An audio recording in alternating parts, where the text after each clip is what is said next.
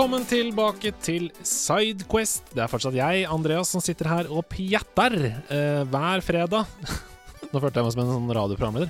Hver fredag i dine ører, Andreas Hedman på P3. Um, det er ikke P3, det er uh, podkast, og vi snakker om TV-spill. Uh, I denne spalten eller i denne sidequesten, på en måte, eh, denne versjonen av Sidequest, eh, som jeg har blitt veldig glad i på veldig kort tid, så ber jeg gjestene om å ta med seg fem spill som de mener at du ikke kan gå glipp av. Det trenger ikke være historiens beste spill, men av ulike grunner så mener de at dette spillet, dette bør du spille. Um, og i dag så har jeg med meg Jon Cato Lorentzen. Hei, hei! Og han har tatt med seg fem deilige spill som vi skal snakke om de neste minuttene. Åssen uh, går det med deg, Jon Cato? Det går veldig, veldig bra. Litt, uh, litt, sliten, for jeg har akkurat begynt i ny jobb, men uh, mye å sette seg inn i. Og så er det høst, og skolene er åpne, og ungene skal gjøre masse ting. Så hverdagene er travle. Ja, hverdagen traff deg som en whizball.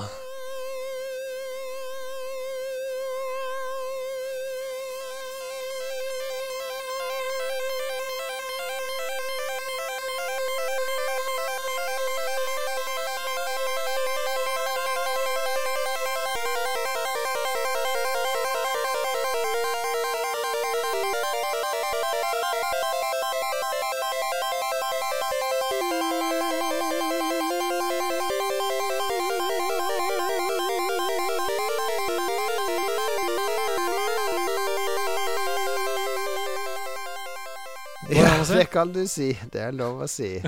Det var smooth. Det var smooth overgang. For det første spillet du har tatt med til meg i dag, det er nettopp det. Mm.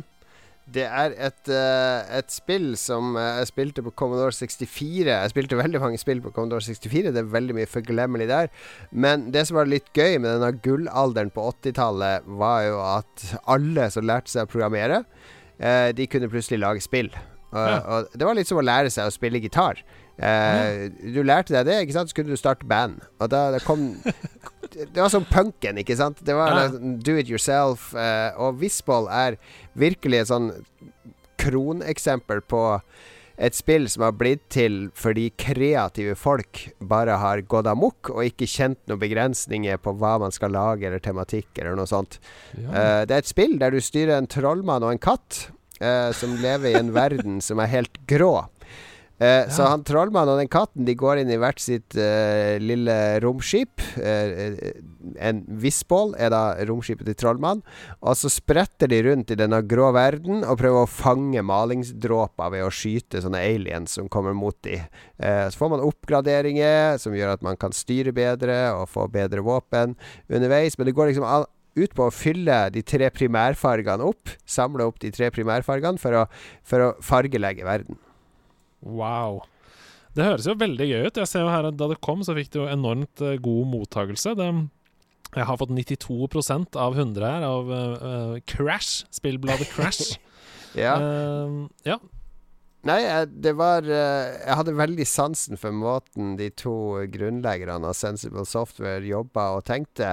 Jeg tror jo de var veldig glad i, i litt sånn eh, hva, hva, kalles, hva, kalles, det på sånn snilt språk? Jazztobakk? Ja, altså ja, de, de, de, likte å drikke og, og, ha det gøy, og de tok med dette inn i spillfilosofiene sånn, mm. sine. Så Chris Yates var jo da programmereren, veldig tilbaketrukken fyr. Og så var det John Hare som var hjernen bak mye av designet og det visuelle og sånne ting. Uh, og husker jeg leste intervju med de på den tida, og tenkte herregud, for noen skruer for noen uh, sære kunstneriske folk som, som, viser fingeren til det etablerte. Og det var det Visboll handla om i stor grad.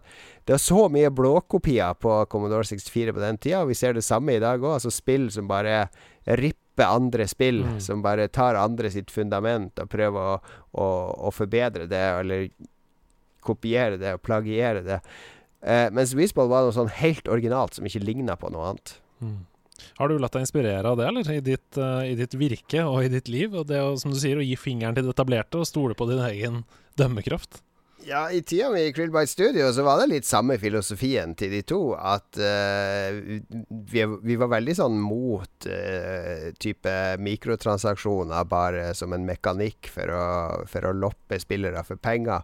Eller uh, spilldesign som er laga for å hale ut tida til spilleren. Vi skulle liksom respektere tida til spilleren. Det var mye sånn god filosofi bak spillene vi lagde. Så ja da, det er noe jeg har tatt med meg. Så hvis du skal liksom um, tenke ut én grunn til hvorfor du valgte å ta med deg Whizball til uh, denne sendingen, hva er det? Ja, det? Men det er rett og slett fordi det fortsatt er helt unikt. Det fins fortsatt ikke noe som ligner på det spillet, og det er litt som når du finner uh, Jeg vet ikke hvor musikkinteressert du er, eller du som lytter er, men av og til så oppdager jeg band eller artister fra 70-tallet eller 60-tallet som jeg aldri har hørt om før og låter som jeg aldri har hørt før, som, er, som har en helt magisk kvalitet over seg. Så det her er liksom et sånn type spill, som er et spill du kan, sikkert aldri har hørt om før, eller sett før, men som har en magisk kvalitet over seg. Så hvis du klarer å få spilt det Det er ikke veldig vanskelig hvis du, hvis du klarer å stave emulator, så kommer du langt. Så, så, så og, og du gidder å investere tid i det til å lære deg grunnpremisset i spillet så har du en magisk opplevelse. Jeg brukte å runde det spillet hver sommerferie på 90-tallet Når jeg var hjemme i Harstad.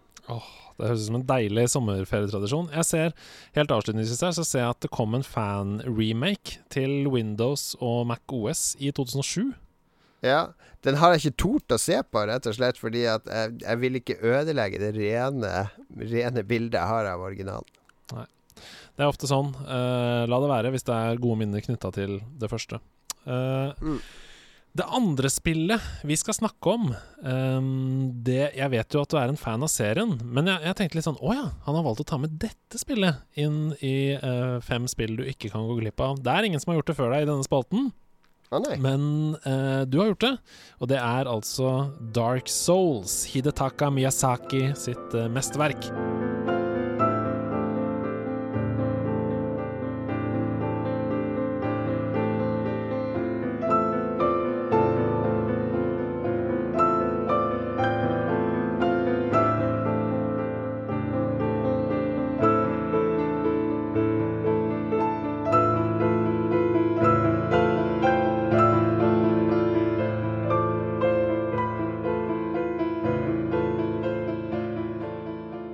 Hvorfor har du tatt med Dark Souls?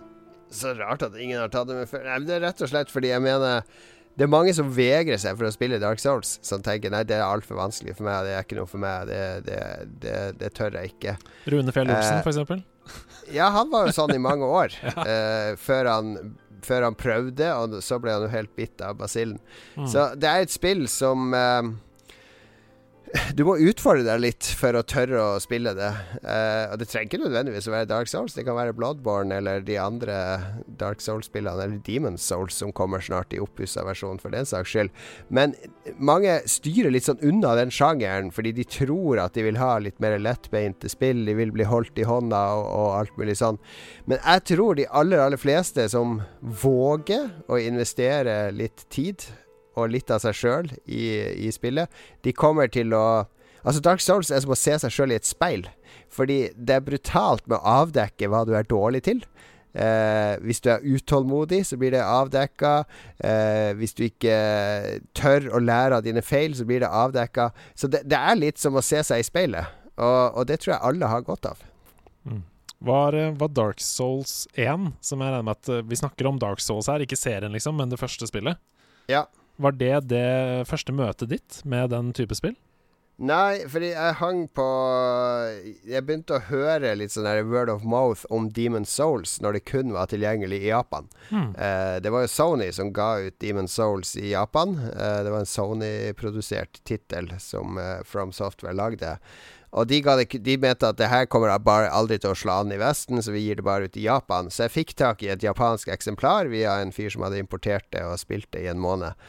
Og det var helt magisk. Uh, det var enda mer magisk enn Dark Souls, men jeg orker ikke å anbefale Demon Souls, fordi det er liksom, det er liksom prototypen på Dark Souls.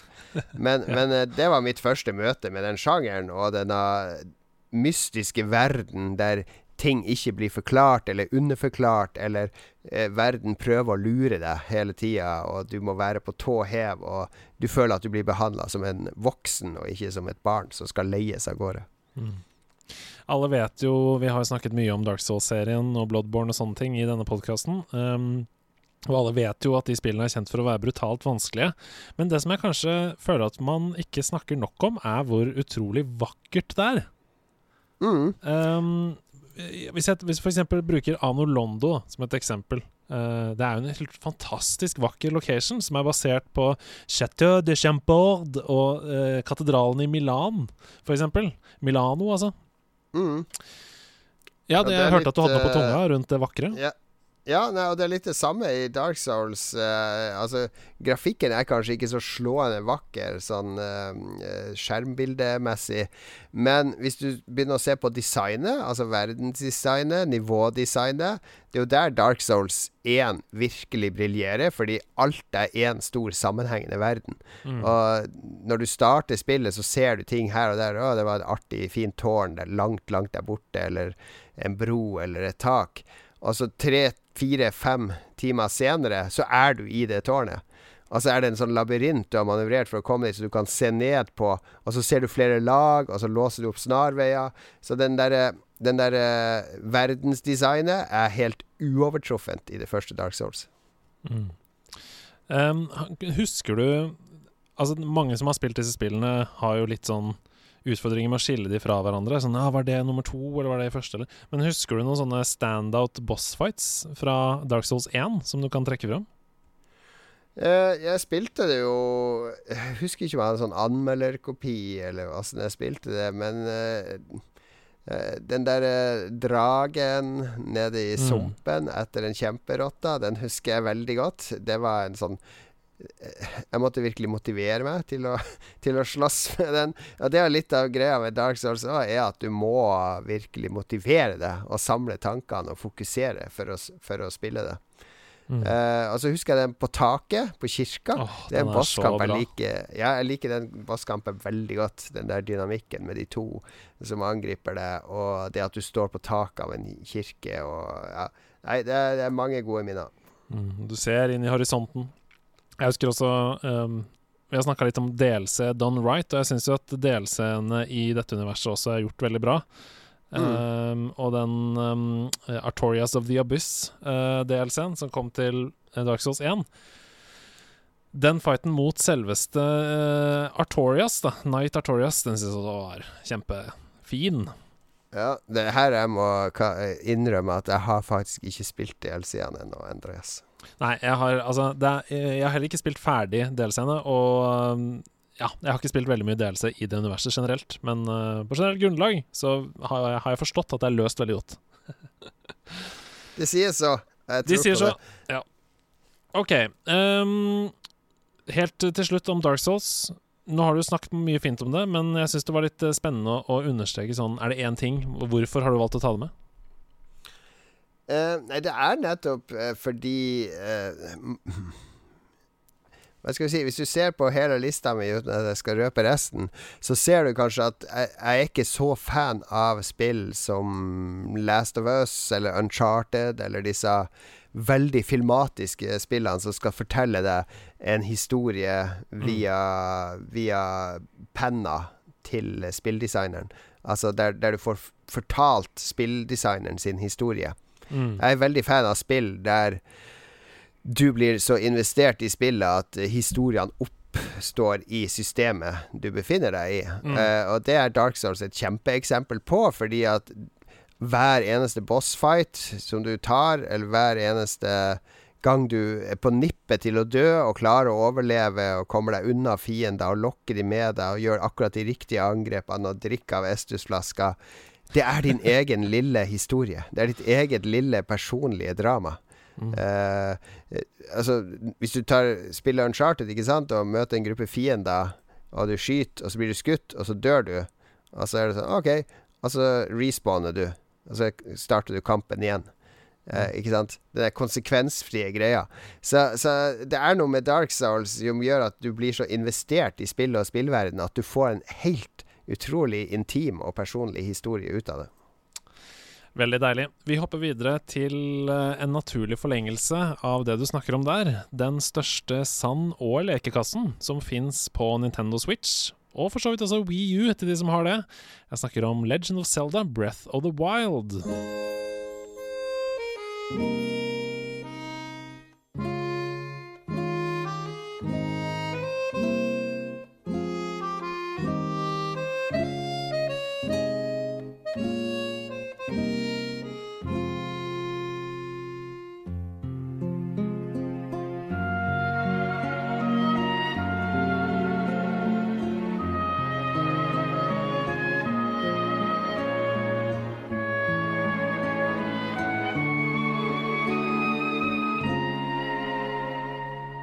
Oh.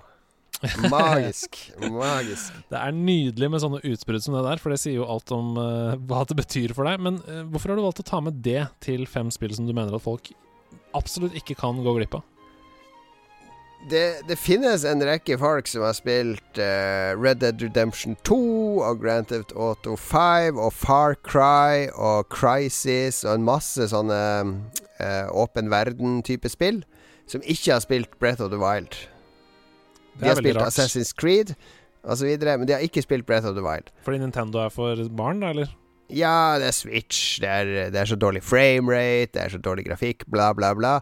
Men poenget er jo at Breath of the Wild knuser absolutt alle åpen verdensspill. Fordi Og nå blir det litt sånn spilldesigner-synspunkt. Eh, ja! Yes!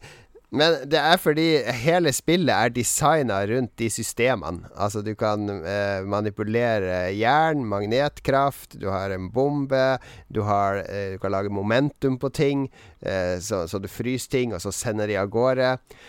Alt i spillet er designa rundt at du skal leke deg med disse systemene. Mm. Og det er veldig veldig uvanlig i sånne typer spill, for der handler det mer om å gi deg makt i visse situasjoner, og så ta fra deg makten eh, her og der. Eh, sånn at du blir litt sånn guida gjennom sånn som ut, designerne vil at du skal spille spillet. Mm. Mens Breath of the Wild er bare en eneste stor lekeplass der du konstant blir distrahert. Og, og, bare måten de har løst narrativet på, med at du møter en masse folk som, som ber deg om Ja, jeg vil, det er kult hvis du drar opp dit og, og finner den greia der, eller eh, Jeg har hørt rykte om at det finnes en sånn oppå der. Og hvis du legger merke til det, så peker de folkene ofte i, rett, i en retning. Og mm. da kan du se i den retninga da, da, peker de egentlig rett mot der du skal dra. Og så kan du prøve å dra dit for å finne den der eh, blomsten som de snakka om, og så møter du 20 distraksjoner på veien som er Hæ, hva er det for noe? Det ser spennende ut.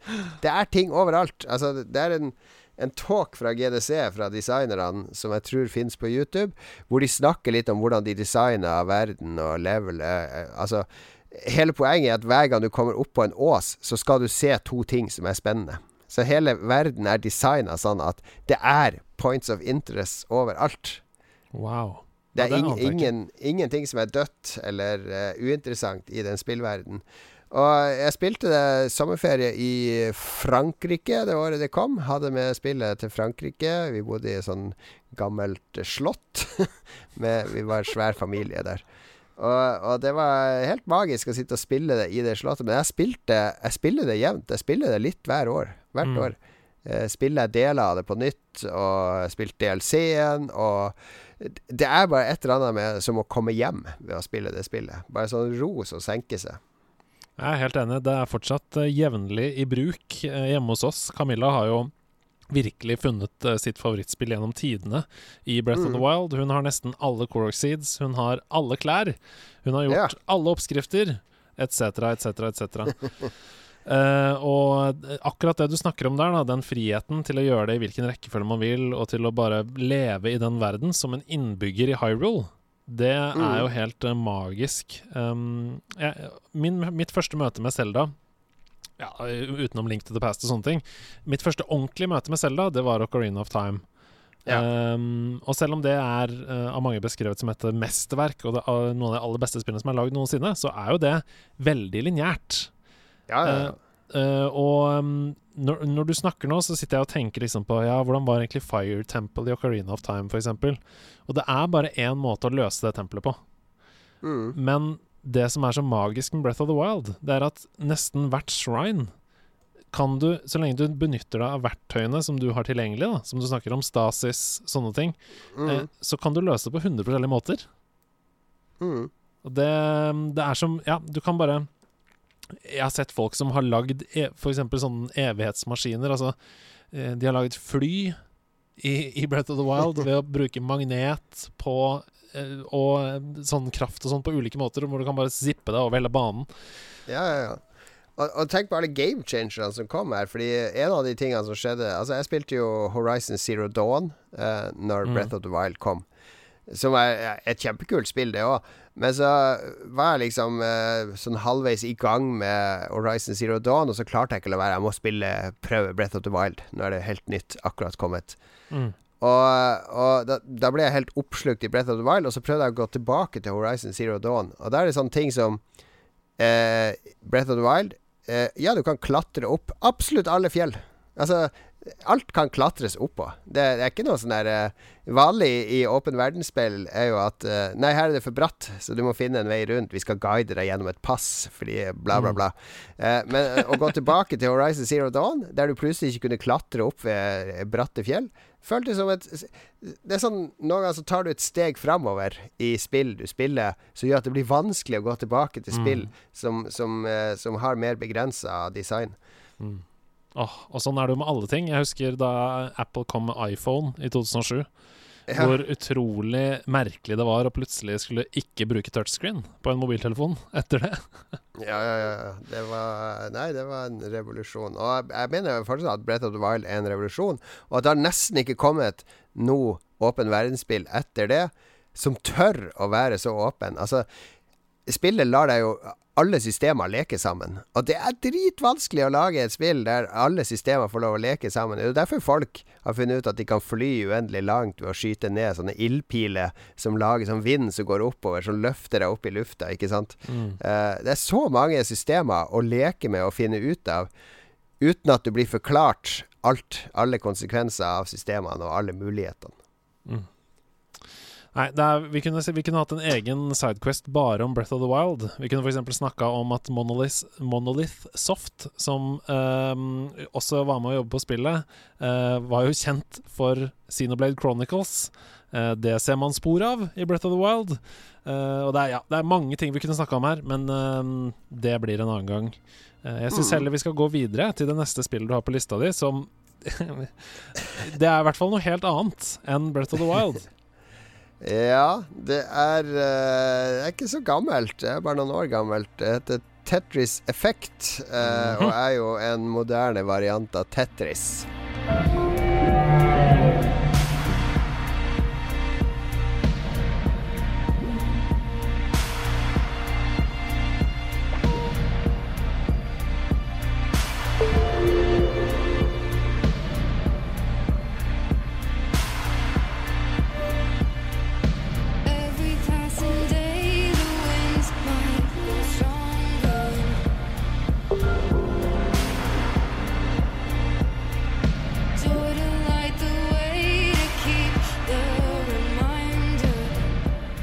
Fortell om Tetris Effect. Jeg har bare sett video av det. Jeg har aldri spilt det. Og jeg vet at jeg må spille det, fordi det er så mange som snakker om det.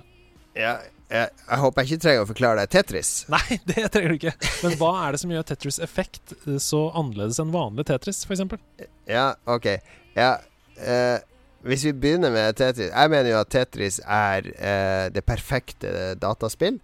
Eh, fordi det er noe som kun kan være et dataspill. Mm. Skjønner du? Altså det, Ja, ja. Kan, det kan ikke bli fortalt på noen annen måte. Det kan ikke bli opplevd på en annen måte. Uh, Uncharted det kan du lage en film av og basically bevare essensen av det de prøver å gjøre. Men Tetris er Det er så rent. Uh, og så Du kan strippe Tetris ned til det helt essensielle, som bare er disse eh, geometriske figurene som skal navigeres. Du trenger ikke noe mer enn disse figurene som daler nedover i denne brønnen som du skal plassere ut. Eh, eller så kan du gjøre sånn som Tetsuya Mitsuguchi gjorde med Tetris Effect. Du kan legge på en masse lag av effekter som prøver å underbygge følelsene du får av å være stressa og plassere ting perfekt og rydde opp og se linjer bli cleara. Og, og alt er liksom fletta sammen i en sånn symbiose av lyd og visuelle effekter og musikk som er, det nærmeste du kommer å ruse deg på et dataspill. Ah, dette er et godt innsalg. Nei, men det Eh. er en, en dataspillrus laga av Altså, Tetsuya Mitsuguchi er jo mannen som opprinnelig lagde det første Sega Rally på, på Arkademaskiner, som var verdens mest fantastiske racingspill. Alle trodde da ah, skal han lage racingspill resten av livet, men nei, hva laga han etterpå? Jo, han lager Space Channel 5, som er et dansespill, og Rez, som liksom var det opprinnelige surrealistiske artsy eh, spillet med, med elektronika og en reise i en 3D-verden.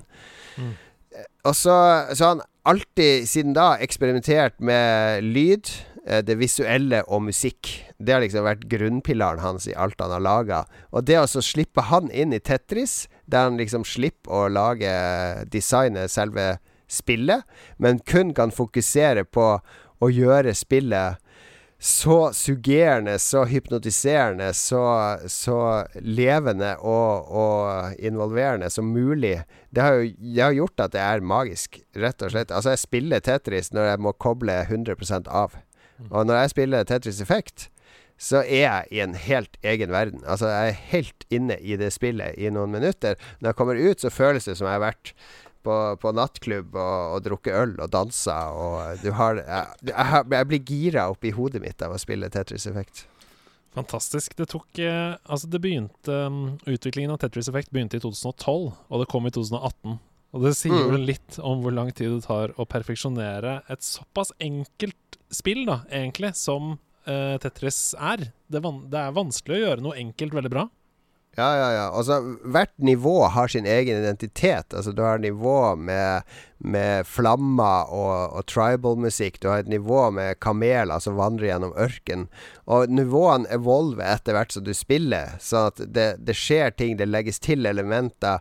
Det, det, det, ble, det er en historie som fortelles. Det er kunst som, som, som genereres på skjermen av dine bevegelser. Og musikken og lydeffektene er jo synka sammen, så at du liksom bygger flere lag på, på, på musikken mens du spiller. Er det en plattform det er bedre å spille på enn en annen, eller er det den samme opplevelsen uansett hvor du spiller det? Det er stort sett det samme uansett, men du kan jo selvfølgelig spille det i VR. Det har jeg også gjort, men det, det blir nesten for intenst. Uh, det, det blir sånn at jeg forsvinner litt for mye inn i den verden. Eh, og, og pluss at brikkene blir litt små, eh, fordi grafikken tar litt overhånd. Så jeg foretrekker å spille det på, på min PC, relativt nært skjermen, Mm. med hodetelefoner. I, eh, ja, på PC, ja. Fordi jeg, i skrivende stund den eh, 10. september 2020 så ser jeg at det er til halv pris på eh, PlayStation Store. Um, Ja, men kjør på. PlayStation-versjonen er perfekt. 189,50 koster det. Eh, Ja, og det var det mange som reagerte på. Hæ, skal vi betale 300 pluss for Tetris? Aldri i verden! Men det er galskap å si noe sånt, fordi det, det er opplevelsen. Altså Du må se på den opplevelsen du får ut av det. Det er greit du kan spille Tetris gratis på nettet, men du får ikke denne Tetris-opplevelsen. Den, den er faktisk verdt så mye penger. Jeg har kjøpt det både på PlayStation og PC, og jeg kommer til å kjøpe det på alt det kommer ut på, bare for å støtte det. Men da kan du si det samme. Hæ, skal jeg betale så mye for Gran Turismo 7? Jeg kan jo spille eh, Q-rally på 123-spill. Helt riktig. Ok. ehm, vi skal til det siste spillet som du har med i dag. Og det, eh, nok en gang, vi hopper til noe helt annet igjen. Dette hadde jeg aldri Mm. hørt om engang, før du skrev det eh, til meg på melding at du ville prate om dette. Hva er Dropp 7?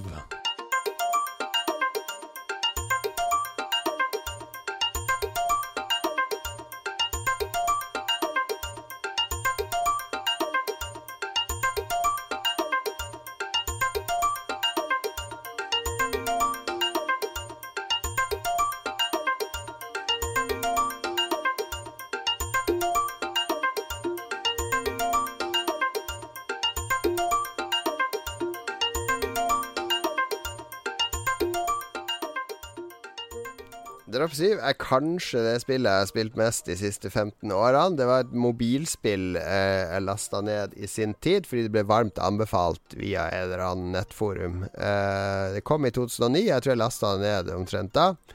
Eh, etter hvert så ble de som lagde det, kjøpt opp av Zynga. eh, som jo er en notorisk eh, eh, mobilspillutvikler.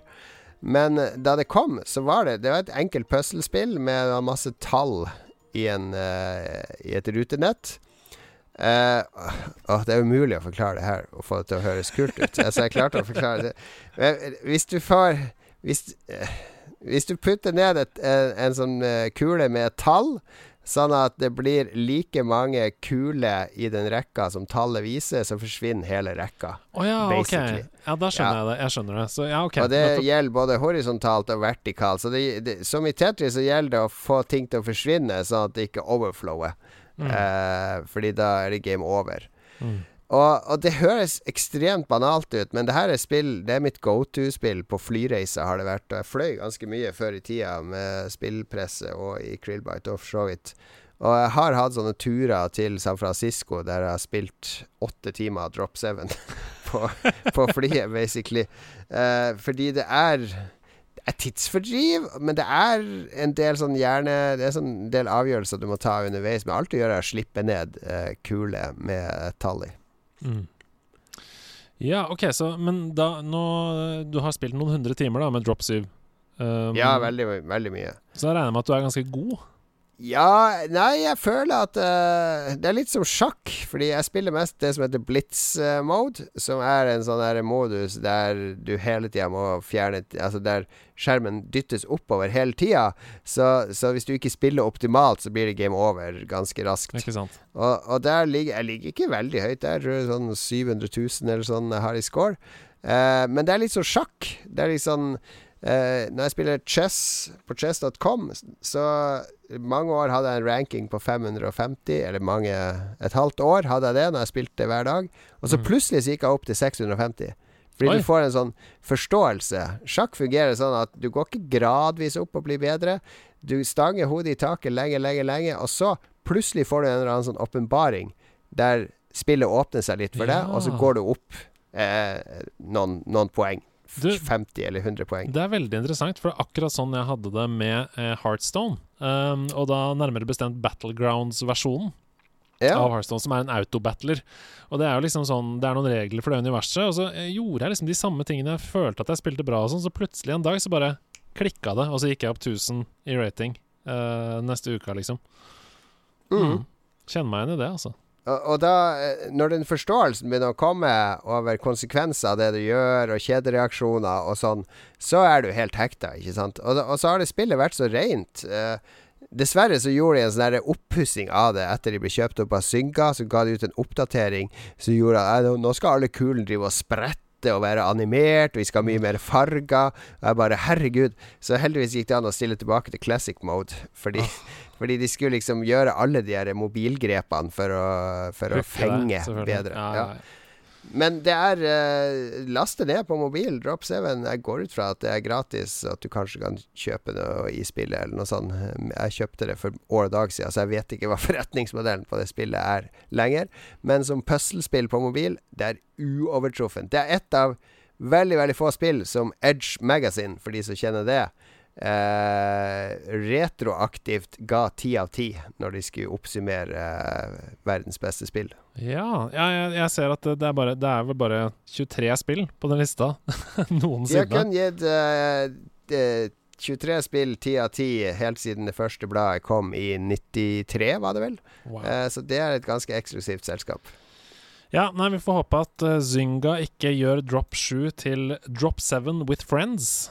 Eh, som de har gjort med ganske mange andre spill. Eh, eller Drop 7ville, for eksempel. Ja. Tusen takk for at du tok med deg fem eh, flotte spill som du mener at folk ikke kan gå glipp av. Så hvis du nå sitter med enten en gammel Commodore eller en emulator og har lyst til å spille Hva var det det het igjen? Uh, Whizball. så anbefaler Jon Cato at du ikke gjør det. Hvis du har en Wii U, ta Breath of the Wild. Hvis du har en mobil, spill Drop 7. Hvis du har hva som helst, spill Tetris Effect. Og helt til slutt last ned Dark Souls, da, din etternøler, hvis du ikke har spilt Dark Souls enda. Tusen takk for at du hørte på. Tusen takk for at du var her, Jon Cato. Bare hyggelig. Vi prates snart igjen. Lykke til videre i Oslo kommune. Håper min eh, hjemby snart er 100% digitalisert, så alle våre jobber blir overflødige. Jeg skal gjøre mitt beste. Ha det! Ha det.